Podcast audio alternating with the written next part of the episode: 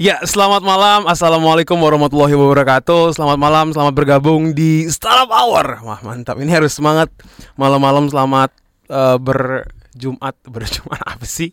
Selamat berjumat malam buat yang lagi di uh, lagi di mobil atau mungkin udah sampai ke rumah, lagi emang nungguin selama seminggu ini jam 8 malam hari Jumat untuk dengerin Startup Hour bersama saya Nazir Arifin.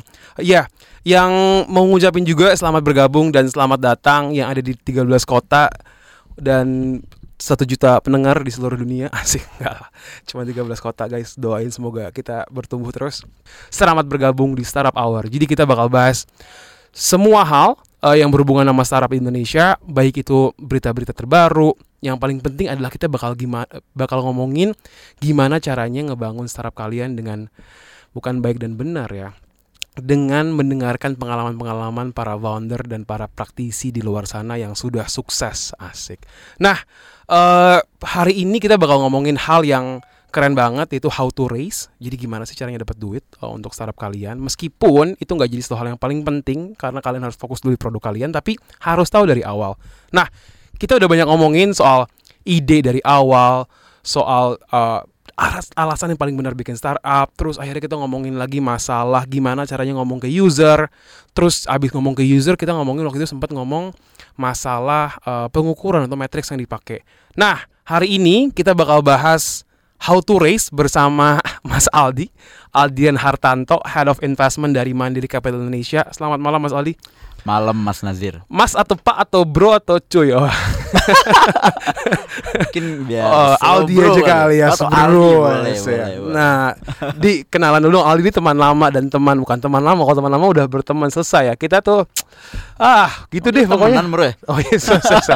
Jadi kita tuh menghabiskan banyak waktu bersama dulu di berbagai macam satu macam company doang ya, dan berbagai Lain sih. macam uh, pengalaman. Ini dong di uh, kenalin. uh, jadi dulu sekarang lagi sibuk apa, terus juga uh, sekarang lagi di mana, previous experience dan uh, berbagai macam hal yang bisa share ke pendengar Power FM. Di Siap. Power Talk kita bilangnya Power People. Oke. Ha. Eh, halo eh, Power People, perkenalkan nama saya Aldi Hartanto, Eh, bisa di, biasa dipanggil Aldi. Saya saat ini menjabat sebagai Head of Investment dari Mandiri Capital Indonesia atau MCI, di mana itu adalah salah satu eh, bahasa itu Corporate eh, Venture Capital atau CVC. Apa tuh di? Ya, itu tuh berarti modal Ventura punyanya corporate bro. Oke. Dia masih budak korporat nih bro. Asik. di mana eh, ini miliknya saat ini saya membantu di situ adalah Bank Mandiri Group. Mungkin kalau teman-teman yang punya eh, kayak apa namanya eh, masalah perbankan biasanya pasti perlu tabungan atau produk-produk Hmm, keuangan oke, tuh oke, biasanya oke, saat yang di top of mind di Indonesia tuh Bank Mandiri Group. Di mana saat ini saya membantu untuk eh, membantu inovasi mereka melalui kolaborasi dengan startup-startup yang ada di Indonesia Oke. maupun di Southeast Asia de- melalui investasi dari Mandiri Capital sendiri. Sebelumnya saya juga emang udah berkecimpung eh, cukup dari awal berdirinya industri ini tahun 2014 awal tuh saya di salah satu eh, fund atau VC firm dari Silicon Valley di mana tuh dia waktu baru Keren banget. ceritanya kan gitu bro Silicon Valley Saya juga, Eh, saya juga. Malah sama bro ya? sama kita sama Andul kebetulan sama ya? teman. Iya, iya Oke, benar. jadi dulu tuh ya salah satu fund itu dulu uh, baru baru mulai somehow connected dengan regional manajernya dan jadi Oke. salah satu employee pertama sana buat ba- bangun mereka dari awal dan belajar sih terutama itu jadi eksperimen menarik karena bisa benar-benar bisa ngelihat kayak gimana yang sukses di US atau di Silicon Valley dulu Mhm. sama gimana waktu kita masih early banget nih sampai sekarang udah udah tumbuh pesat banget Oke. Uh, dan saya lihat juga potensinya makin terus bakal tumbuh pesat. I think kita bakal sebenarnya malah bisa berpotensi bakal mendekati uh, seperti Silicon Valley itu walaupun nggak tahu kapan sih. Oke, wow. Jadi banyak hal yang kita sebenarnya bisa dengar dari Aldi gimana dia pengalaman dulu untuk akhirnya ngelihat satu founder yang kira-kira oh ini kayaknya bisa diinvest nih. Oh ini kayaknya foundernya punya apa ya? Punya kayak resilient atau misalnya punya grit untuk akhirnya sukses. Kita bakal ngomong lebih banyak. By the way, kita bakal juga ngomongin di Indonesia tuh udah di tahun lalu tuh udah ada 91 startup yang terfunded nih tahun lalu dengan biaya uh, funding yang diterima oleh startup sekitar 3 billion dollars. Nah, gede banget. Gimana caranya kita bisa sebagai uh, founder Indonesia juga mendapatkan funding ini dan gimana sih caranya? Kita bakal ngomongin lebih lanjut tetap di Startup Hour. Power Talk Startup Hour bersama Nazir Arifin. Powered by bubu.com. Power Talk. Power Talk. Power Talk Startup Hour bersama Nazir Arifin powered by bubu.com. Yo yo yo, nggak nggak nggak, nggak seasik itu Apa- radio program kita nggak seasik itu kita ngomongin startup di Startup Hour eh, Power Talk. Nah kita masih bersama Aldi, eh, Adian Hartanto, Head of Investment dari Mandiri Capital Indonesia. Kita bakal bahas-bahas mengenai eh, how to raise eh, for your startup. Nah sebelum itu yang mau chat, yang mau curhat, nah, jangan kirim salam, jangan minta jangan minta lagu di sini, cuma bisa nanya. Untuk WhatsApp di 0896 768 92892 atau bisa telepon juga bebas pulsa di 0800 140 9191. Di lanjutin lagi nih. Eh, jadi kebetulan ini tuh eh, salah satu episode yang ditunggu-tunggu. Jadi dari kemarin kayak Bisa Zir, ayo dong ke bahas soal fundraising kayak gimana caranya dapat duit buat startup. Tapi kan nggak segampang itu dan nggak se nggak se apa namanya di kita sempat ngomongin dulu dibahas eh, yang op- topik pertama. Lu jangan mulai bikin startup itu gara-gara mau cari duit gitu loh. Betul. Nah, tapi gimana ya duit kan juga penting dan mungkin sebagai founder di tahap awal mereka harus tahu gimana caranya dapat duit. Nah, di eh, mungkin eh, mau start dengan eh, pertanyaan di- pertanyaan pertanyaan yang satu ini. Eh, untuk sampai akhirnya hari ini di with your all experience uh, ses di venture capital. Sebenarnya apa sih yang membuat akhirnya eh, Aldi atau misalnya firm investment firm itu invest ke seorang founder? Kayak biasanya pertanyaan terakhir sih. tapi tapi pertama, maaf ini acara saya. Jadi saya tuh kayak sum up gitu men. Oh, enggak, Oke, tapi Enggak, fine. jadi what made you decide untuk akhirnya invest ke seorang founder? Oke, mungkin let's say kita bikin asumsi dulu ya. Kayak Iya. gimana asumsinya misalnya bahasa itu kalau di ekonomi kan ada namanya ceteris paribus tuh. Berarti semua Iya. faktor tuh dianggap oke. Misalnya pem- produknya bagus, Iya. marketnya oke, dari segi performance-nya atau traction-nya juga bagus. Oke. Jadi basically tinggal final decision nih, oke orangnya gimana gitu. Oke. Nah, kalau dari sisi orang sih kita tuh kalau pengalaman kita mungkin yang yang secara gen- secara general ya, yang Oke. bisa dibilang uh, bisa apply ke semua orang tuh intinya sih kita nyari orang yang obses. Kita suka banget orang yang Oke. obses. Obses dalam banyak hal. Dan Ambisius ya? ambisius mu- mungkin ambisius belum nggak selalu uh, selalu tapi obses Obses, uh, dari personal pengalaman personal sih itu paling bisa merepresent itu. Obses dalam arti obses untuk membangun produknya, obses menyelesaikan masalah, obses untuk mendukung memba- atau membangun timnya baik secara jumlah maupun kualitas, Hmm. obses untuk bisa terus maju, obses untuk nggak pantang mundur. Jadi obsesi itu tuh benar-benar ini kalau kemarin sempat nonton film obsesi itu kayak bener, bener kayak nunjukin eh benar-benar dia tuh mungkin lebih di atas levelnya passion gitu. Oke. obsesi banget di mana oke kayak they, they, there's no they, they, they don't talk any no for answer gitu. Di mana benar semuanya tuh harus bisa. Jadi memang dia benar-benar eh, di atas passion tadi sih. Nah itu tuh kita cari banget founder-founder yang kayak gitu tuh. Di mana benar obses dia punya driver yang benar-benar bisa bikin dia apa namanya sukses untuk menjalani startup tersebut.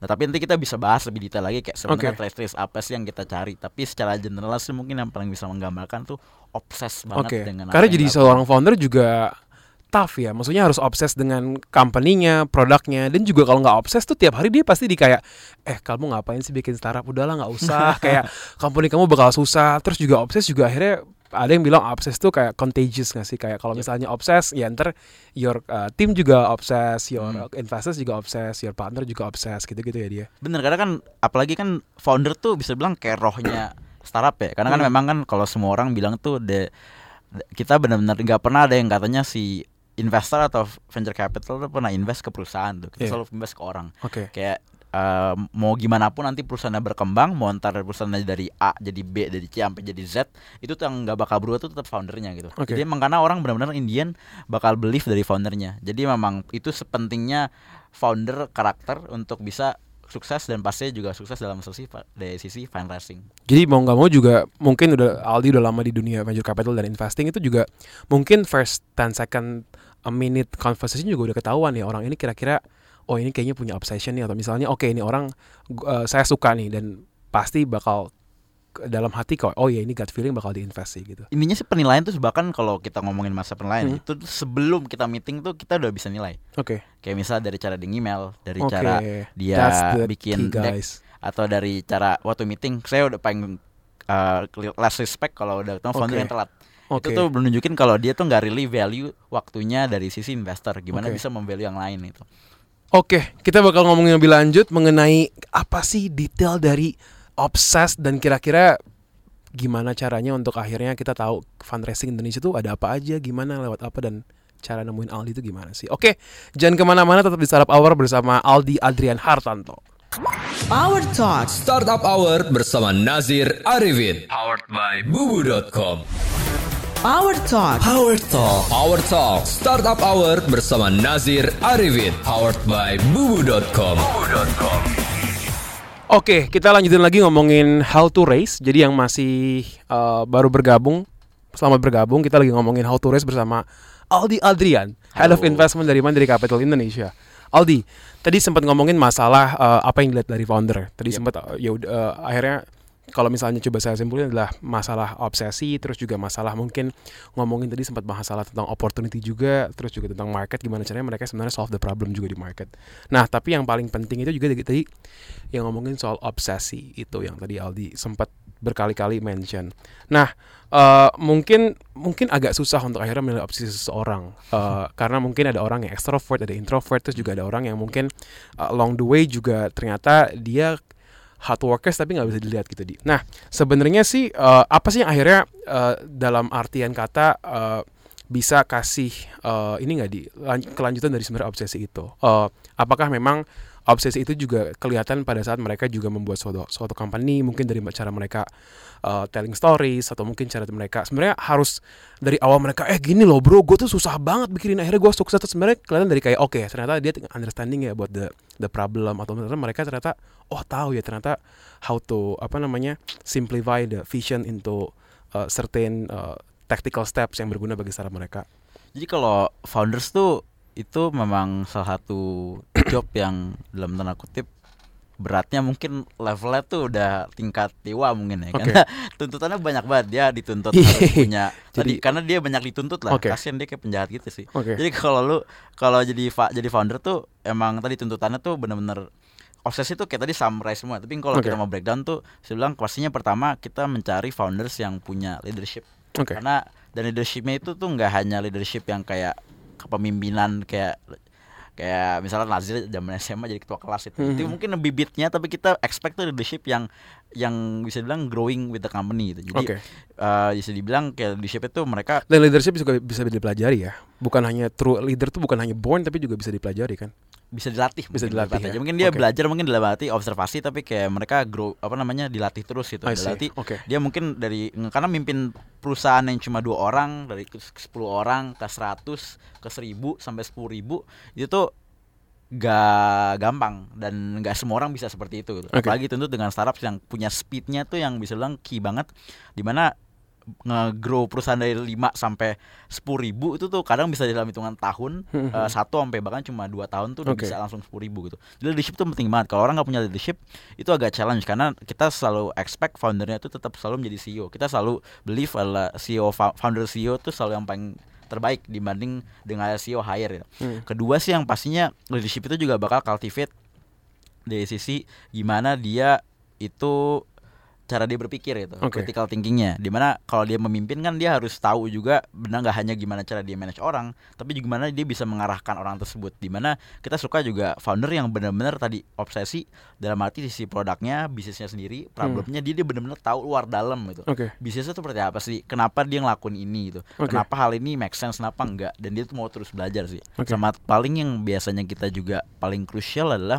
dari karena dia punya leadership dia punya benar-benar apa namanya pemikiran yang luas eh, cara Hmm. pola pikirnya dan juga logikanya itu di dalam tanda kutip jalan Oke. Eh, kita juga believe karena mereka punya traits tersebut akhirnya membantu mereka untuk hiring orang-orang yang hebat itu Oke. karena kita percaya eh, founder-founder yang perusahaan-perusahaan hebat pasti di back didukung oleh orang-orang yang hebat juga karena Hmm. Indian mau perusahaannya seperti apa pun yang menggerakkan perusahaan tersebut orangnya kan Oke. jadi kalau si foundernya itu memang founder yang tepat pasti dia juga bisa hire orang-orang yang tepat juga Oke. dan pastinya saya selalu percaya adalah kalau one of the kalau kita mau hire orang itu tuh selalu satu hal yang saya selalu percaya adalah saya selalu mencari orang yang jauh lebih pintar daripada saya. Oke. Sama kayak saya milih founder itu. Kalau ini tahu saya tahu nih foundernya itu dalam tanda kutip gak lebih pintar dari saya, saya nggak bakal mau ini.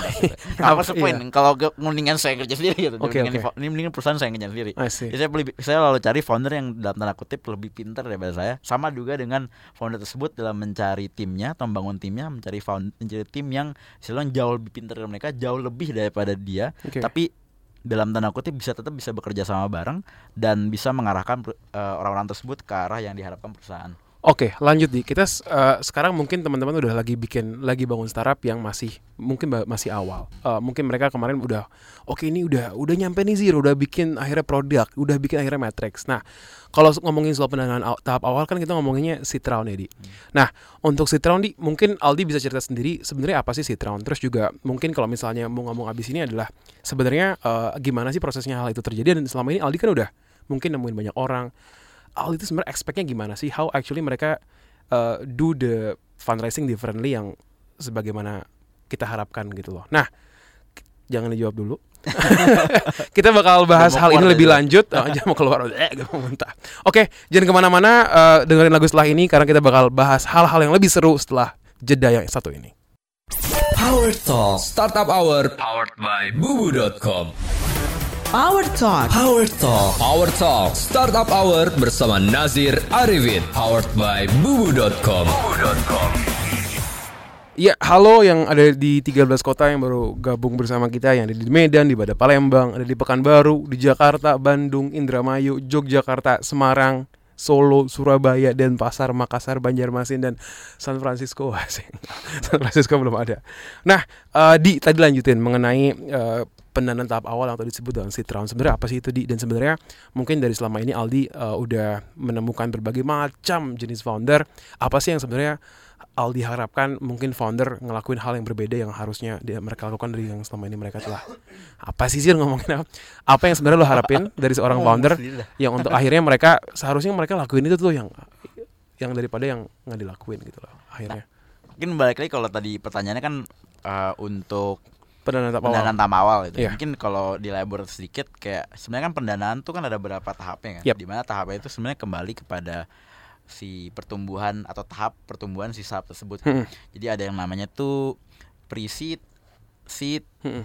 Series A, Series B sampai pre-IPO dan juga IPO. Oke. Nah, setiap tahapan tersebut tuh berbeda-beda kebutuhannya itu atau kenapa mereka butuh pendanaan. Di mana di pre-seed tuh bentuknya biasanya tuh ide. Jadi mereka punya Oke. ide, mereka pingin eksekusi, mereka pingin mereka punya tesis kayak oke ada problem A, mereka pingin mau kasih solusi B. Nah, itu tuh mereka butuh dana untuk bisa merealisasikan tesisnya atau idenya mereka kan. Oke. Nah, itu butuh dana pre-seed. Nah, pre-seed ini biasanya pendanaannya tuh diberikan oleh namanya tuh 3F lah. Oke. Friends, family, and full. jadi, jadi emang kayak orang-orang yang terdekat yang ya udahlah gue percaya aja gitu. Oke. Saya percaya aja nih sama Nazir tuh. Oke. Mau bikin mau bikin Oh itu misalnya smart lah bukan full yang percaya aja. Wih, misalnya gue mau bikin apa tuh namanya Gojek with bakso Oke. gitu. apa gitu. Jadi kalau nah bikin nah untuk nanti kan bisa dananya dipakai. Hmm. Nah, ini yang penilaiannya lebih tadi sebagai trust aja sih, kepercayaan aja gitu. Nah, habis itu pas mereka udah maju ke seed stage di mana mereka udah punya produk, mereka mau mau mulai eksperimen nih Hmm. untuk buktiin kalau oke ini produknya ada beneran bisa dibikin eh, terbukti udah jadi sekarang kita mau coba execute Oke. Nah, di mana kalau di sini baru biasanya mulai kepada di luar 3F tadi. Tapi biasanya bahasa itu angel investor. Oke. Jadi angel investor ini biasanya orang-orang yang yang mungkin profesional, mungkin tapi dia dalam tanda punya uang lebih, akhirnya dia mau bantu eh, orang yang butuh pendanaan tersebut. Oke. Nah ini kembali ini lebih kepada trust lagi. Cuma Hmm. mungkin trustnya levelnya gak setinggi yang sebelumnya. Lebih Oke. masih ada analisa juga dalam arti kayak oke produknya make sense apa enggak, Hmm, marketnya gede apa enggak, kira-kira orangnya bisa dipercaya apa enggak Oke. gitu. Nah itu biasanya ada berdasarkan kategori ka- apa karakteristik tersebut, akhirnya si angel investor memberikan pendanaan. Oke. Nah setelah seed stage barulah mulai masuk ke series stage. Nah series stage ini biasanya bentuknya tuh udah udah dalam tanda kutip si startups tuh udah mulai masuk fase yang namanya product market fit. Oke. Product market fit meaning kayak oke kita punya produk eh tesisnya awalnya marketnya misalnya A apa B apa C itu Hmm. mereka coba formulate strategi untuk bisa memfitkan produk sama market tersebut. Dalam Oke. arti kalau produk asumsinya kalau produk sama marketnya fit, meaning dari sisi problem sama solusinya cocok, itu harusnya mereka bisa tumbuh dengan pesat, walaupun mungkin dalam masih skala dalam kecil. Oke. Nah setelah terbukti itu berarti setelah udah mulai dibuktikan eksekusinya tersebut, barulah mulai yang namanya visi masuk Oke. venture capital masuk di mana mereka mulai melihat selain tadi eh, mungkin dari tadi yang orangnya oke apa enggak marketnya gede apa enggak eh, produknya tuh dari sisi solusi yang ditawarkan untuk men-tackle problem itu clear apa enggak baru Oke. mulai nambah satu lagi yang di assess adalah performance atau Oh, traction see. gitu. Oke. Jadi ya bener nggak sih numbersnya iya apa enggak sih? Karena Hmm. si investor kan institusional ya. Di mana institusi bentuk institusi mereka mereka benar-benar profesional dalam menganalisa. Jadi biasanya juga mereka fokus ke numbers juga. Oke. Nah dari situ baru malah setelah itu ada series banyak kan tuh. Hmm. Itu lebih kepada scale-nya aja. Oh tadinya series A tuh misalnya untuk eh, di, di Jakarta atau Jawa doang. Habis itu di expand lagi buat ke misalnya di Indonesia bagian barat diambil semua. Habis itu sesi misalnya Indonesia bagian timur atau mulai ekspansi ke luar negeri. Baru habis itu nanti pas mereka udah size-nya lumayan besar, baru mereka mulai pikir yang namanya IPO. Nah, untuk maju ke IPO Oke, kan oke, tuh ada banyak kebutuhan baru ntar cari investor yang lain lagi. Oke, jadi setiap stage itu dibedakan atas sebenarnya kebutuhannya buat apa dan size-nya sebesar apa ya dia. Betul. Dan kalau misalnya ngomongin ya nggak bisa tiba-tiba awal pokoknya saya baru mulai saya pengen langsung cari duit 3 billion dollar ya nggak bisa ya Betul, dia. Itu ada step-stepnya dan sebenarnya ada cara-caranya.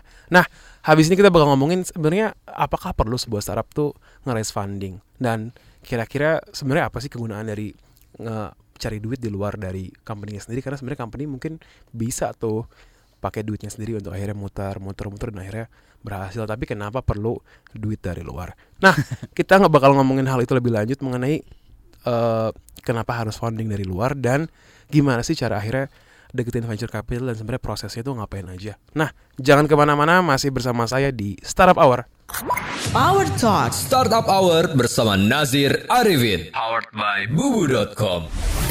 Power Talk. Power Talk. Power Talk Startup Hour bersama Nazir Arifin. Powered by Bubu.com. Ya, masih bersama saya Nazir Arifin dan Aldi Aldrian Hartanto, Head Yap. of Investment dari Mandiri Capital Indonesia. Di kenapa sih kita butuh duit dari luar? Kenapa nggak kita pakai duit sendiri aja gitu loh? Dan kenapa seorang semua orang ngomongin funding, funding, funding, funding, semua orang kesuksesan startup dari diukur dari fundingnya mereka, semua media ngomongin soal funding kan sebenarnya nggak sepenting itu dan nggak seprop, ya nggak sih? Enggak ya? Masalahnya lu duit gak? Oke. Maksudnya, jadi kan emang kalau bikin startup soalnya itu nggak murah kan. Oke. Jadi kan bikin startup kayak misalnya contoh yang sekarang lagi terkenal kan Gojek misalnya. Oke. Gojek tuh dia sekarang udah racing sekitar 4 billion dollar atau 5 billion Oke. dollar. Meaning itu berarti kira-kira sekitar hampir eh, 40 triliun Oke. Hmm. dolar eh, yang udah mereka raise. Oke. Itu kan banyak banget. Bisa dibilang kayak kalau misalnya lu mau nabung kayak 40 triliun berapa tahun? Enggak, tapi kadang pola pikir yang salah tuh kadang gini. eh, g- misalnya saya bikin startup, saya nggak bisa bikin startup nih kalau nggak ada Hmm. duit. Saya nggak bisa launch nih kalau nggak ada duit. Itu kan sebenarnya nggak jadi satu hal yang Hmm.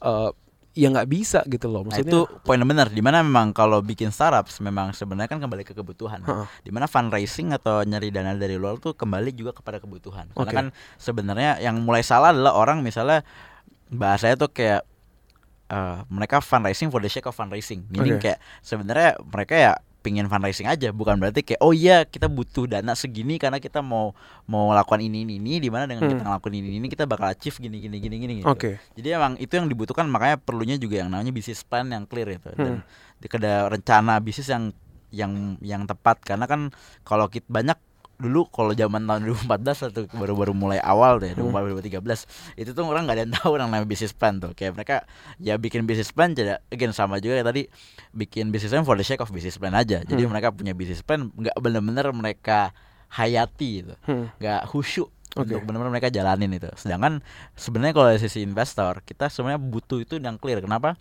Karena itu jadi pegangan kita juga. Kayak oke sebenarnya potensi karena kita emang investor tuh kayak peramal ya. Kita Oke. oh nih perusahaan bakal jadi sukses nih ke depannya gitu. Oke. Tapi basis kita meramal itu juga salah satu dari bisnis plan. Itu makanya yang sebenarnya kejelian atau kemampuan investor tuh diuji untuk men-challenge dari kualitas dari plan dan juga eksekusi si foundernya tersebut. Oke, jadi kalau misalnya eh, saya coba simpulin mungkin orang akhirnya cari duit keluar memang karena mungkin pertama mungkin ambisi karena mereka pengen jauh lebih besar. Kedua mungkin dia juga ngomongin soal ya company harus growth lebih tinggi dan mungkin ketiga sebagai uh, investor juga karena mungkin backgroundnya macam-macam mungkin ada yang ex entrepreneurs, ada yang mungkin udah done something di company, mungkin juga mereka seorang founder mungkin advice yang dibutuhin sebagai mentor investor sebagai mentor mereka gitu ya dia mungkin. Salah satu itu betul. Hmm. Sebenarnya tapi yang paling penting sebenarnya pas mereka pas founder mau fundraising, mereka tuh harus ini sekarang jadi mantranya fundraising tuh. Hmm. Oke. Yang namanya tuh unit of economics. Unit of Itu economics. unit of economics itu penting banget Oke. kalau orang mau fundraising. Kenapa? Karena buat apa kit- eh, investor pasti nggak bakal mau ngasih pendanaan ke perusahaan yang unit economicsnya itu nggak positif Apa tuh unit economics? Dan nggak selalu unit economics nggak positif dan juga nggak achievable. Nah, Oke. apa itu unit economics itu sebenarnya simple math. Eh, mungkin kalau zaman yang kuliah ekonomi itu Uh-huh. ada di microeconomics. Oke. Intinya sih sebenarnya adalah nilai apa kuant apa namanya eh quantity dari break even point. Mm-mm. Jadi kalau kita kan mau dapetin break even point tuh rumusnya kan ada namanya fix sama variable cost. Oke. Di mana gimana caranya tuh barang yang kita atau produk yang atau service yang kita jual itu dalam jumlah yang dalam tanda kutip achievable Mm-mm. itu tuh bisa yang tadi berarti bisa di achieve Mm-mm. itu tuh bisa menghasilkan nilai yang positif untuk mengcover cost dari sisi variable Oke. dan juga fix eh, variable cost eh, atau dari sisi fixed costnya juga Oke. di mana ini yang yang kita lihat terus gitu kalau misalnya kita lihat memang dari sisi bisnis modelnya eh, itu atau sekarang proses yang mereka lakuin itu unit of economics yang nggak positif Oke. dan apalagi nggak achievable investor tuh nggak bakal bisa bakal tahu ke depannya nih perusahaan nggak bakal bisa untung Oke. so buat apa bikin perusahaan kalau misalnya nggak bakal bisa untung Oke, jadi itu unit of economics juga sangat penting. Coba rewind lagi ke episode sebelumnya soal sama Pak Sukan Makmuri mengenai soal matrix. Gimana cara cari metrik yang tepat untuk akhirnya bisa memaksimalkan investment yang kita pakai atau mungkin duit yang ada di company kita. Nah, di soal-soal kita ngomongin masalah eh, tactics di. Sebenarnya bisa nggak sih? Sebenarnya proses investment tuh gimana sih di? Bisa nggak orang tiba-tiba email email Aldi atau email venture capital dan juga mungkin apakah mereka butuh introduction? Terus mungkin how many meeting sampai akhirnya eh, kalian keluarin decision. Terus juga eh, apa sebenarnya terms-terms yang investor tuh kasih ke seorang founder dan kira-kira sebenarnya eh, apakah founder dari awal juga harus ngasih tahu kayak oh mas mas lagi pak saya butuh segini pak. Pak saya butuh segini. Pokoknya eh, apakah founder juga bisa kasih tahu kayak mas saya butuhnya segini gitu loh. Gimana di? Oke. Jadi kalau pertanyaan pertama gimana jawab, kan? prosesnya Langsung jawab, gimana oke. prosesnya berjalan? Jadi kalau prosesnya itu tuh biasanya memang eh apa namanya kalau tadi untuk mungkin dari sisi komunikasi dulu ya gimana biar si startup bisa connect sama investor. Oke Jadi tadi email langsung, kontak langsung bisa aja. bisa aja Tapi dalam tanda kutip conversionnya kecil, meaning Oke. belum tentu semua belum tentu orang bakal angkat, belum tentu orang mau balas. oke Nah cara yang paling tepat bener yang tadi yang poin yang kedua adalah introduction. oke Introduction tuh juga harus yang nggak asal introduction. oke Gak bisa yang orang yang dalam tanda kutip gak kenal sama saya atau tadi orang ke saya juga gitu. Oke. Sama aja bohong. Nah, yang paling penting adalah introduction dari orang yang bahasanya tuh stemnya saya approve. Meaning saya tahu orang ini tuh kalau nge-refer orang atau menilai orang tuh benar-benar orang yang bagus. oke Karena di sini nama baik dia di dalam tanda kutip dipertaruhkan. Oke. Kalau dia nge-refer orang yang salah, pasti saya bakal ke depan bakal anggap semua refer dia salah dan Oke. saya nggak bakal terima itu. ngomongin soal orang kita bakal ngomongin orang lagi atau ngomongin founder setelah ini setelah lagu-lagu dan break yang satu ini tetap di Startup Hour bersama Aldi Adrian Hartanto. Power Talk. Startup Hour bersama Nazir Arifin. Powered by bubu.com. Power Talk. Power Talk. Power Talk Startup Hour bersama Nazir Arifin. Powered by bubu.com. Oke, kita lanjut lagi di eh, mengenai tadi Aldi udah sebutin soal jangan mungkin bisa aja email langsung atau misalnya add di LinkedIn atau misalnya di mana tapi lebih baik mendapatkan introduction dari orang-orang yang eh, terpercaya seperti angel investor atau misalnya founder lain yang udah diinvest sama eh, investor tersebut. Betul. Nah ngomongin soal uh, ini di how the process sih sebenarnya untuk investment itu berapa lama meeting, berapa banyak uh, waktunya, apa aja yang diminta. Sebenarnya the short process apa mungkin summary dari proses uh, investment seorang venture capital atau angel investor tuh biasanya rata-rata apa sih di?